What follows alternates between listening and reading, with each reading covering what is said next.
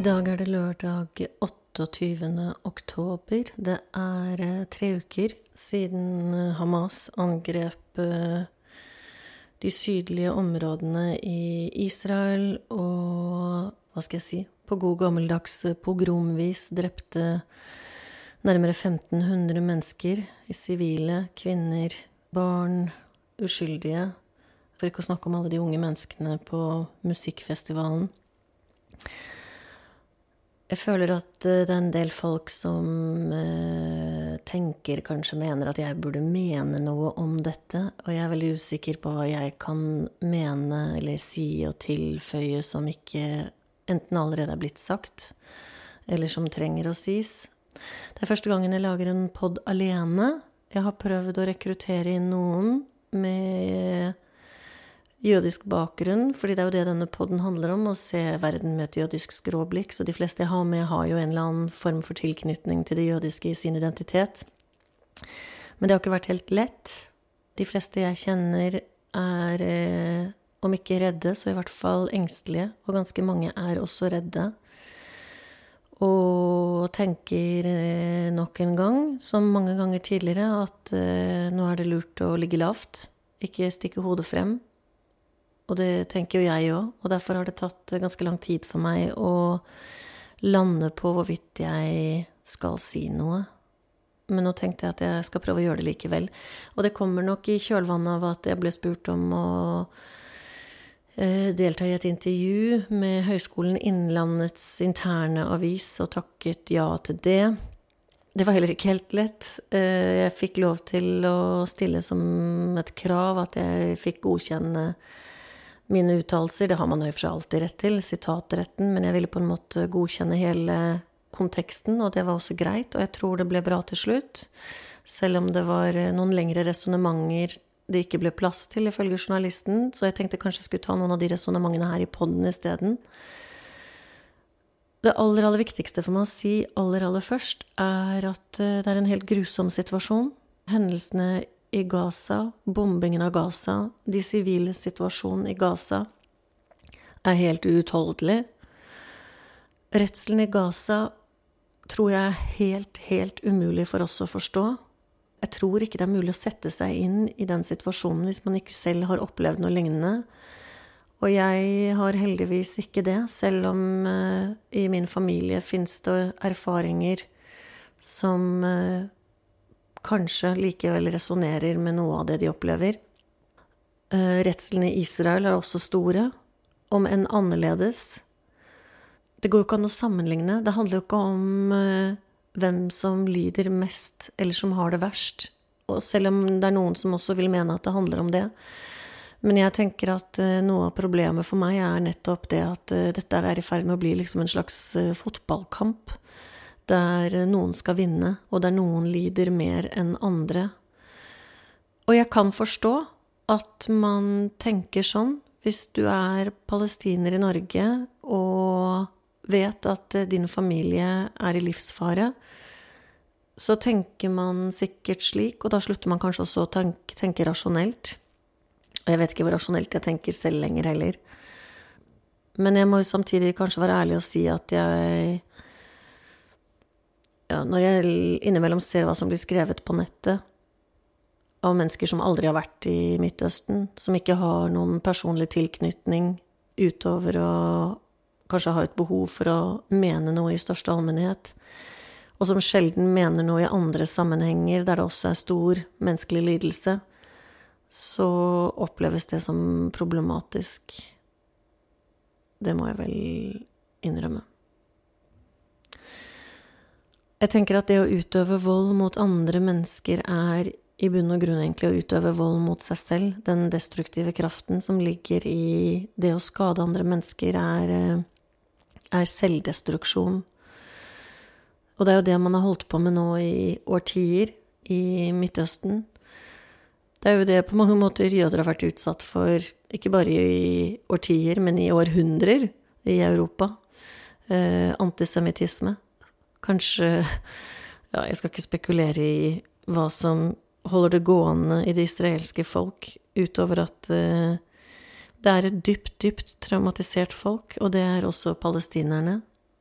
Det er to ekstremt traumatiserte folk som uh, nå i mye større grad enn tidligere styres av ekstreme grupper. Netanyahu med sin høyreekstreme regjering og de ultraortodokse, for ikke å snakke om bosetterne på Vestbredden, som ikke bøyer seg for andre enn sin gud, og Hamas, som tilhører Det muslimske brorskap, og Hizbollah, som uh, heller ikke bøyer seg for andre enn sin gud, som ikke bryr seg om de sivile.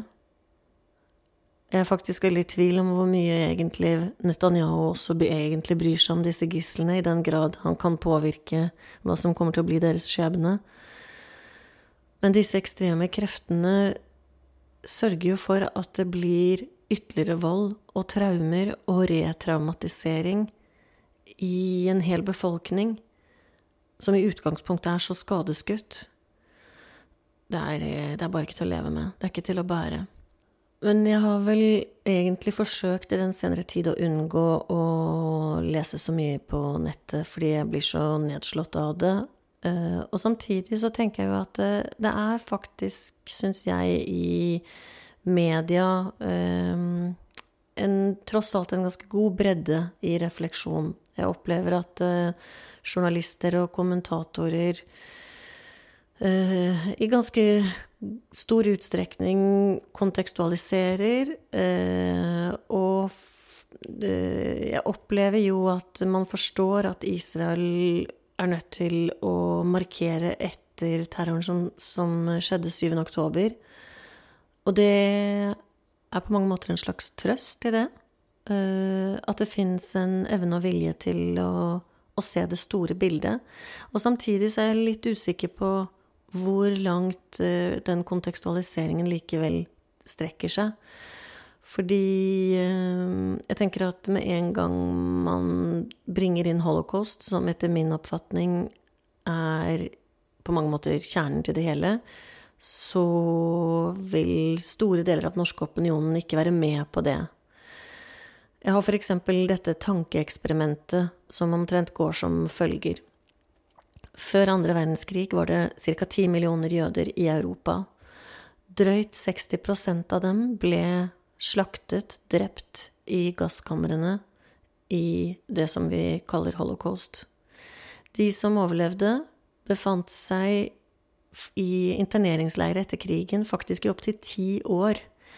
En del av disse interneringsleirene rundt omkring på kontinentet var ofte tidligere konsentrasjonsleire. Og den siste tror jeg ble nedlagt i 1956, hvis jeg ikke tar helt feil. Og de som da var igjen i Europa, de havnet jo for det meste De valgte å emigrere for det meste til eh, Israel, en del til USA, eh, og litt spredt rundt omkring i Europa. Men i dag så er det omtrent én million jøder i Europa. Tenk deg at holocaust ikke hadde funnet sted. Og dersom vi legger den generelle befolkningsveksten til grunn, så skulle Europa i dag ha hatt mellom 20 og 25 millioner jøder. Vår kultur og vår hverdag skulle sett helt annerledes ut, også i Norge. Etter min oppfatning så skulle den vært rikere. En tredel av Warszawas befolkning var jødisk før andre verdenskrig. Det er helt ufattelig å tenke på. Jeg var i Warszawa for drøyt et år siden, halvannet, og gikk rundt i gatene. Det er en utrolig stor by, en, en flott by. Jeg møtte fantastisk hyggelige mennesker. Men jeg klarte ikke la være å tenke at en tredjedel av dere eh, skulle vært jødiske. Og fremdeles så er det jo noen jøder der, flere enn de som vil vedkjenne seg det, fordi det å være jødisk i Polen er fremdeles eh, utfordrende. Hvis man går rundt med den tanken i hodet, så er det på en måte som å gå rundt i en stor gravlund. Norge er fremdeles det eneste landet i Europa som har gjennomført et hva man kanskje kan kalle i nærheten av et fullverdig restitusjonsoppgjør. Altså et oppgjør der man forsøkte å tilbakelevere verdiene som den norske staten stjal fra jødene under krigen. Tyskland har riktignok hatt et deloppgjør etter murens fall. Det som var tidligere Øst-Tyskland, eh, forsøkte da å eh, kompensere for det som hadde blitt eh, tatt inn i det kommunistiske regimet. Eh, men ikke på samme måte som tross alt faktisk skjedde i Norge. Og vi trodde jo internasjonalt sett at det ville bli flere restitusjonsoppgjør i Europa i kjølvannet av det norske, som var på midten og slutten av 1990-tallet, men slik har det ikke blitt. Europa står dermed en dag i dag i en enorm gjeld til døde og levende jøder, men jeg er usikker på hvor mange ikke-jødiske europeiske borgere som syns at jødene har rett til å kreve tilbake sine eiendommer og verdier i dag. Det er 80 år siden holocaust fant sted, og det er 75 år siden nakban, det navnet vi bruker på fordrivelsen av palestinerne, og som skjedde i kjølvannet av krigen i 1948, etter at den israelske stat var blitt opprettet i, av det internasjonale samfunnet.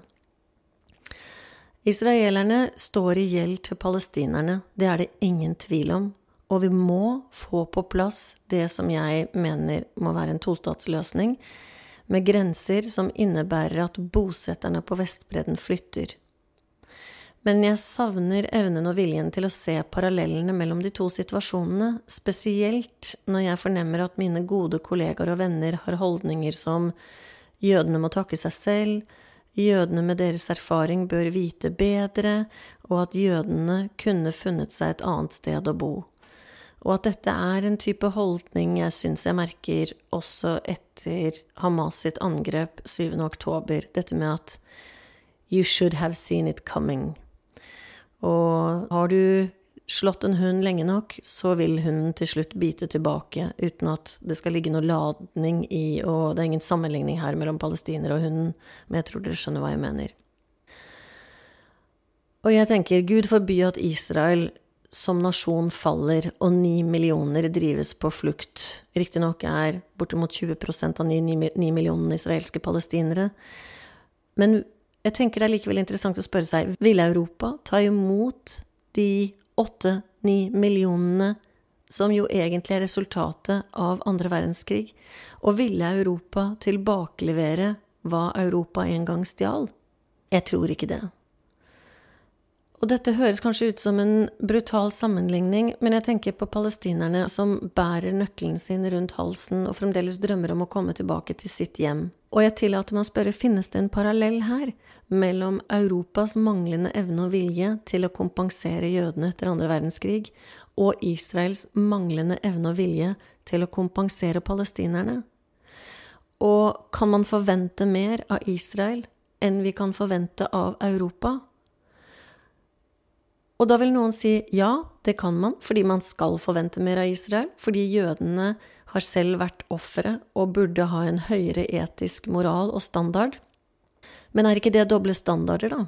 Er det ikke det som alltid er det som til slutt resulterer i antisemittisme og jødehat? At når det kommer til jødene, så er det noe annet som skal gjelde. At jødene kan ikke være like jævlige som oss europeere. Det fins jo en slags uh, underlig naivitet i å tro at uh, jødemennesker er annerledes enn kristne mennesker og muslimmennesker. Vi er alle sammen mennesker. Vi er akkurat like gode, og vi er akkurat like jævlige. Og hvis man skal tro på en eh, fremdrift og en utvikling i Midtøsten, er det da realistisk? Er det sannsynlig? Er det en god strategi, for å bruke et litt sånn kjølig ord som det, å tenke at uh, alt skal tilbakeleveres til palestinerne? Det har også vært jøder i Midtøsten hele tiden. Eh, og med Midtøsten i denne sammenhengen så tenker jeg på det som er nåværende Israel. For det tror jeg innimellom også en del nordmenn glemmer. Eh, de tror at alle jøder forsvant i år 70 etter Kristus og kom tilbake ved opprettelsen av staten Israel, og det er selvfølgelig heller ikke tilfellet. Det er noe med denne kompleksiteten som eh, jeg savner. Jeg savner kunnskapen.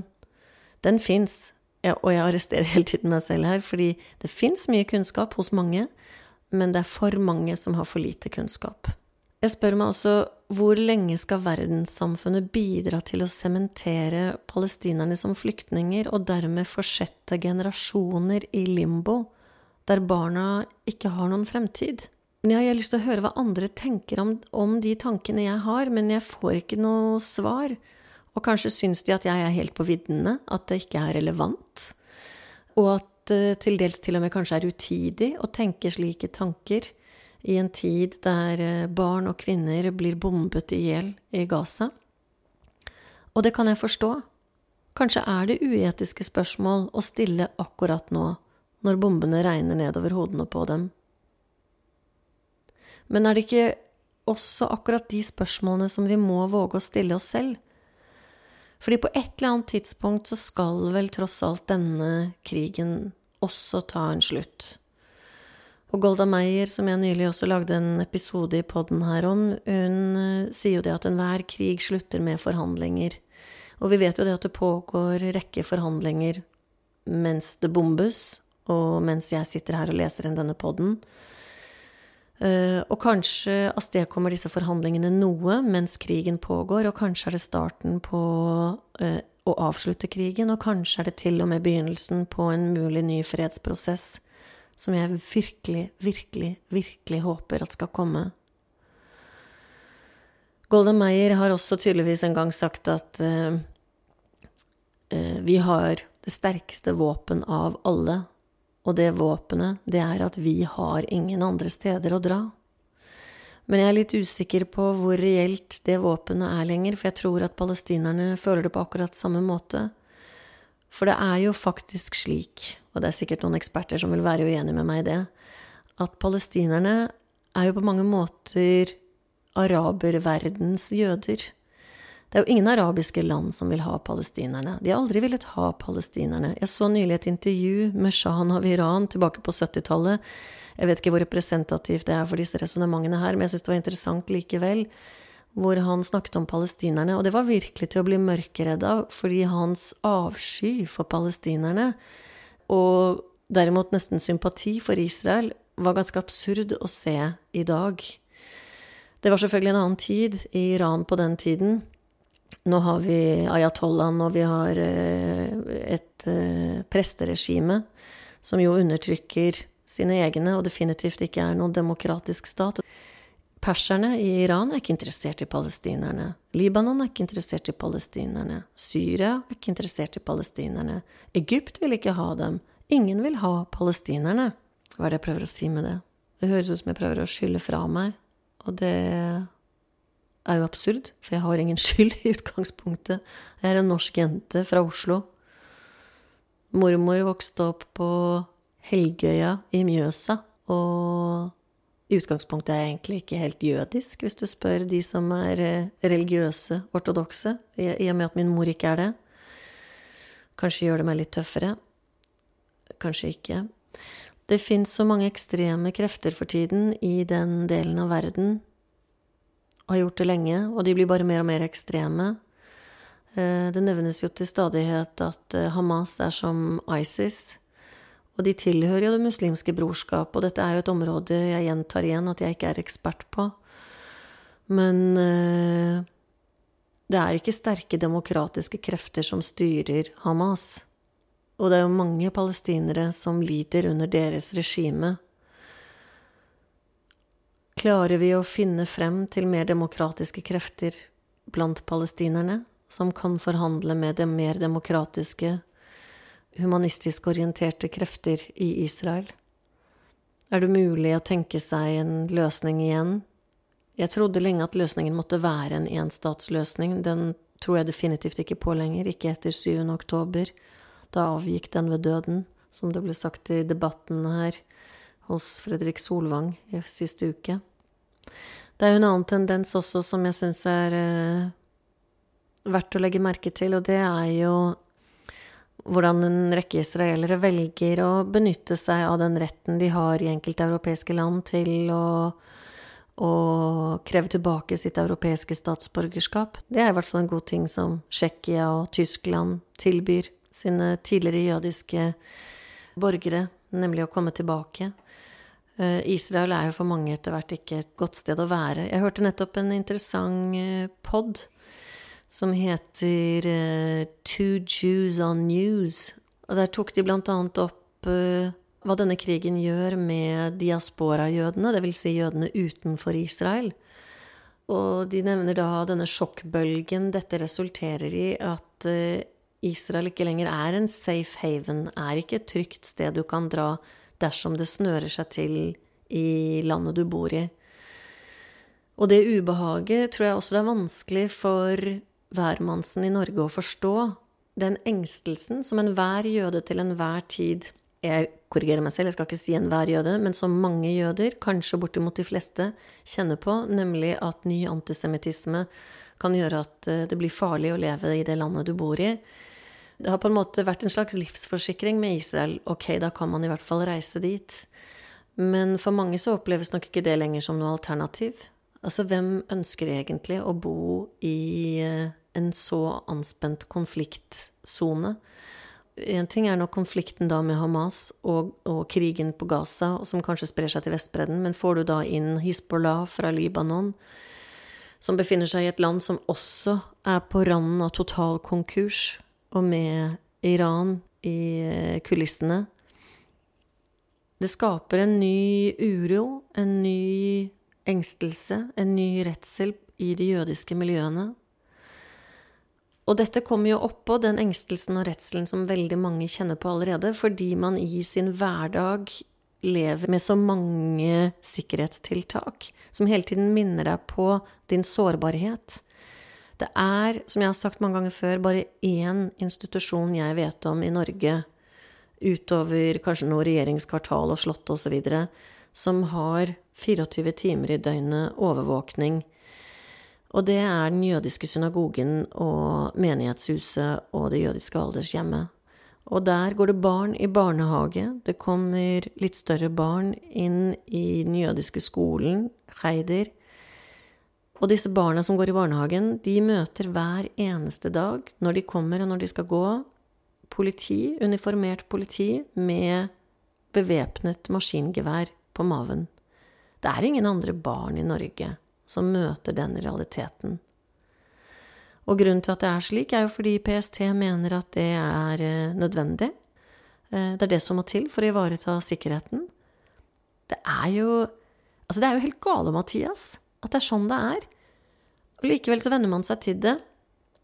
Og Norge for øvrig bryr seg kanskje ikke. Tenker bare ja, ja, de fortjener det vel. Altså, norske jøder fortjener det fordi Hva da? Fordi man mener at Israel har rett til å eksistere. Fordi man tenker at Israel må kunne ta igjen. Og jeg er den første til å si at måten det tas igjen på nå, syns jeg er helt grusomt. Jeg håper bare det skal slutte. Jeg vil bare at det skal stoppe. Stopp. Stopp nå. Jeg vil bare være så snill at det skal stoppe. Ah. Ja. Innimellom så lurer jeg på om det nesten er verre å være her enn å være der. Og med der så mener jeg Israel. Der er på en måte alle i samme båt. Det fins et fellesskap. Jeg sendte en mail til en fjern slektning som jeg hadde på poden her for lang tid tilbake. Shahar. Hun er vel kanskje 5-26 år gammel. Og da hun var her for ja, et år eller to siden, så hadde hun akkurat avsluttet uh, sin verneplikt i IDF. Veldig religiøs, veldig patriotisk, nasjonalistisk, kan man kanskje si. Uh, og jeg var jo litt urolig for henne og familien og lurte på hvordan det gikk, men hun var ved godt mot. og jeg ble litt mørkeredd, for jeg fikk jo nesten litt sånn følelsen av at uh, nå kom endelig muligheten til en gang for alle å Ja, hva skal jeg si? Til en gang for alle å gjøre et reelt oppgjør. Og det er klart at de kreftene, de er i Israel. Og hvor langt de strekker seg, det tør jeg ikke helt å tenke på. Heller ikke når det gjelder min fjerne slektning. Men på en eller annen måte så kan jeg kjenne at uh, det de har, er et enormt fellesskap selv de som er de største kritikerne og motstanderne av Netanyahu, og selv om det er en enorm spredning mellom de som ikke ønsker at man skal retaliate, eh, skyte tilbake, og de som mener at man nå virkelig skal utradere nærmest hele Gaza, så er det likevel en slags opplevelse tenker jeg, da, at de, eh, de sitter i samme båt, mens vi andre, vi, vi blir på en eller annen måte minnet på minoritetsopplevelsen, og hvor sårbare vi er. Og jeg har jo selv faktisk nå gått til det skrittet å fjerne min gateadresse fra 1881 og på hjemmesiden min. Jeg har tenkt på det mange ganger tidligere, men alltid tenkt at nei, jeg vil ikke styrke min egen paranoiditet ved å gjøre det. Og denne gangen så tenkte jeg jo, men kanskje jeg skal det. Det skal jo ikke mer enn én gærning til. Én radikalisert person som bestemmer seg for at uh, man skal markere et eksempel for noe og knerte én person. Uh, det høres sikkert helt vilt ut, det jeg sier nå, men Og hvis vedkommende da plutselig har hørt ditt navn som det siste, så er det kanskje det vedkommende fester seg ved. Og da tenkte jeg kanskje at uh, det minste jeg kan gjøre, er å fjerne adressen min. Det hender jo det er andre mennesker i dette huset òg som jeg i så fall kanskje er med på å beskytte. og så ja, blir jeg litt sånn Jeg må le av meg selv. Fordi det er jo helt absurd. Og jeg tenker at en ting at jeg har gjort det, det er jo helt ko-ko. Men symbolverdien i det er kanskje enda større. Og jeg tror nok at hadde det ikke vært for at vi har noen familiære opplevelser Riktignok for en del år tilbake, så hadde jeg kanskje ikke gjort det. Og hadde det ikke vært for at jeg har noen venner som mener at det burde jeg gjøre, så hadde jeg kanskje heller ikke gjort det. Og da jeg nå nylig også nevnte det for en ikke-jødisk venninne som mente at det var lurt, så blir jeg jo egentlig bare enda mer redd, da. Det er kanskje sånn vi mennesker er. Vi, vi er flinke til å skremme oss selv. Mm. Men det er ikke så veldig rart at man blir eh, redd eh, hvis du går inn på nettet og annet leser hva en del influensere skriver med muslimsk bakgrunn. Eh, jeg skal ikke nevne navn, men det fins både unge og godt voksne muslimske influensere og samfunnsdebattanter som har oppimot en halv million følgere, som har egne TV-program og som stort sett skriver om eh, livsstil og humor, og jeg har i hvert fall til gode å klare å spore i deres feed eh, synspunkter på krigen i Ukraina, synspunkter på kvinnemishandling i Pakistan, synspunkt på eh, manglende likestilling og likebehandling i Tunis, synspunkt på IS' atferd i Syria, synspunkt på Afghanistan, bloggere som ikke deltar i politiske debatter ellers, men som nå med den største harme uttaler seg om Israels krigføring i Gaza. Og det er det all grunn til å gjøre, men det er veldig vanskelig å se at deres harme i denne sammenheng, som er totalt fraværende i andre sammenhenger, det er veldig vanskelig å ikke koble det opp mot et grunnleggende jødehat. For det er det det er. Det er et stort jødehat som Abid Raja modig har påpekt, kommer inn med morsmelken i en rekke muslimske miljøer.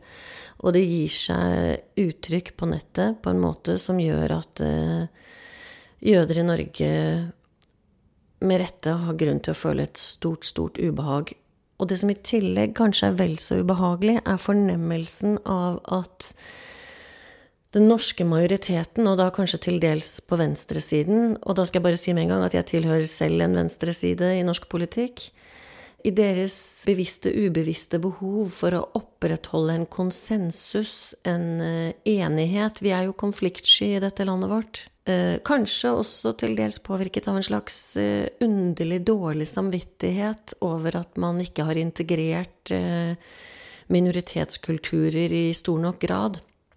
Så blir dette på en eller annen måte, om ikke omfavnet, så blir det i hvert fall akseptert. Det er for meg helt komplett uforståelig, og det gjør meg virkelig mørkeredd. Jeg tror ikke på disse influenserne, popstjernene, TV-personlighetene, samfunnsdebattantene med embetseksamener. De vet hva de sier, de vet hva de gjør. Og for meg fremstår det som ganske tydelig at ja, en berettiget harme mot volden som utøver seg, men i bunnen av det hele ligger det et stort jødehat. Og det gjør meg veldig, veldig engstelig. Og jeg tror også at vi i Vesten trenger å erkjenne at en del av dette raseriet også er et enormt sinne mot Vesten. Som igjen kanskje er et resultat av manglende integrering, av manglende demokratiske tradisjoner, som er et resultat av en mørkemannmentalitet som vi er nødt til å hamle opp med, fordi den er antidemokratisk, den er kvinnefiendtlig, den er fascistoid, og vi kan ikke ha den, og den resulterer i ytterste konsekvens først og fremst i jødehat, antisemittisme, og er en trussel mot jødiske liv i Vesten. Ja. Jeg tror jeg skal prøve å avslutte med å si noe om en følelse av skam. Um, for jeg kjenner på en absurd følelse av skam som jeg prøver å riste av meg, fordi jeg vet rasjonelt sett at uh, jeg har ingen grunn til å føle skam, og likevel så gjør jeg det, og jeg tror det handler om at jeg skammer meg over den skylden jeg innbiller meg at andre tillegger meg. Og jeg skammer meg over at uh, jeg må argumentere på den måten jeg føler at er forventet av meg, som jeg på mange måter helst skulle slippe å gjøre. Jeg skammer meg på en måte over å, å befinne meg i en sånn catch 22. At du er uh, damned if you do and you're damned if you don't. Jeg kunne jo faktisk kanskje ha valgt å bare gå helt under radaren, holde helt kjeft. Jeg kunne jo ha valgt å bare assosiere meg med min mors identitet og fortrengt min jødiske identitet, latt som den ikke var der, slik veldig, veldig mange jøder gjør og alltid har gjort. Jeg sa jo tidligere i denne episoden hvor mange jøder vi skulle ha vært i Europa, og kanskje er vi egentlig det, og enda flere, det er bare det at eh, de aller fleste ble assimilert av majoritetskulturen opp gjennom århundrer. Kanskje er det bare det jeg også skulle gjort, at alt dette egentlig bare er en form for selvplageri. Og så skammer jeg meg over det òg. Det er ikke lett å være menneske, som August Strindberg sa. Og eh, når jeg er i mitt aller mørkeste sinn, så tenker jeg jo at uh, skogen er aldri så fruktbar som den er etter at den har brent ned. Jeg tenker på Tyskland etter andre verdenskrig som lå fullstendig i ruiner og ble administrert utenfra inntil Adenauer kommer inn og man bygger opp nye demokratiske institusjoner igjen med hjelp av mye, mye Marshall-hjelp. Og kanskje er det det som skal til. Jeg tenker, fordi alle spør meg, hva skal vi gjøre, Nina, hva skal vi mene? Jeg vet jo ikke det. Men jeg tenker vel, ok, denne krigen må avsluttes, Israel må slutte å drepe sivile. Det er bare palestinerne selv som kan bli kvitt Hamas. Israel kommer jo bare til å skape nye, enda mer eh, fanatiske Hamas-tilhengere. Palestinerne må ta ansvar for sin egen demokratiske utvikling, men de må ha hjelp til å gjøre det. Det må øses og pøses på med enorme mengder med ressurser for å bygge demokratiske institusjoner, for å bygge undervisning, utdanning, helse for palestinerne i en egen stat, en tostatsløsning. Det må skapes en opplevelse av håp, og vi må alle sammen være med og betale. Vi er innstilt på å bruke enorme ressurser på å bygge opp Ukraina, og vi må bruke like mye, om ikke mer, på Midtøsten. Og så er det bare å håpe og tro at det fremdeles er mulig å normalisere relasjoner inn i noen av de andre arabiske landene, slik Israel var på vei å gjøre med Saudi-Arabia. Eh, vi lever jo i en gal, gal verden. Vi lever i en verden nå hvor det viser seg at Norge og Yara ikke lenger produserer gjødsel fordi vi jo ikke kan samarbeide med Russland, hvorpå Russland bygger opp sin egen gjødselsindustri som går så det suser, og hvem er deres største kunde? Jo, USA vær så god, bli gæren. Og når jeg da blir skikkelig dyster igjen, så tenker jeg at eh, det verste som kan skje, er jo at vi dør. Det er jo ikke verre enn det. Og vi er bare et støvkorn i universet. Men det er ikke lov å si i dag når barn, kvinner, uskyldige mennesker i Gaza blir drept i et stort, stort omfang, og når israelere også nylig er blitt massakrert på det mest bestialske vis, slik de ble 7. oktober 2023. Åh, jeg er jo ikke religiøs, men kjære, kjære, kjære Gud, få en slutt på dette her. Det er bare ikke til å holde ut. Og likevel er det ikke min smerte som er viktig. Det fins så mye, mye større smerte andre steder akkurat nå.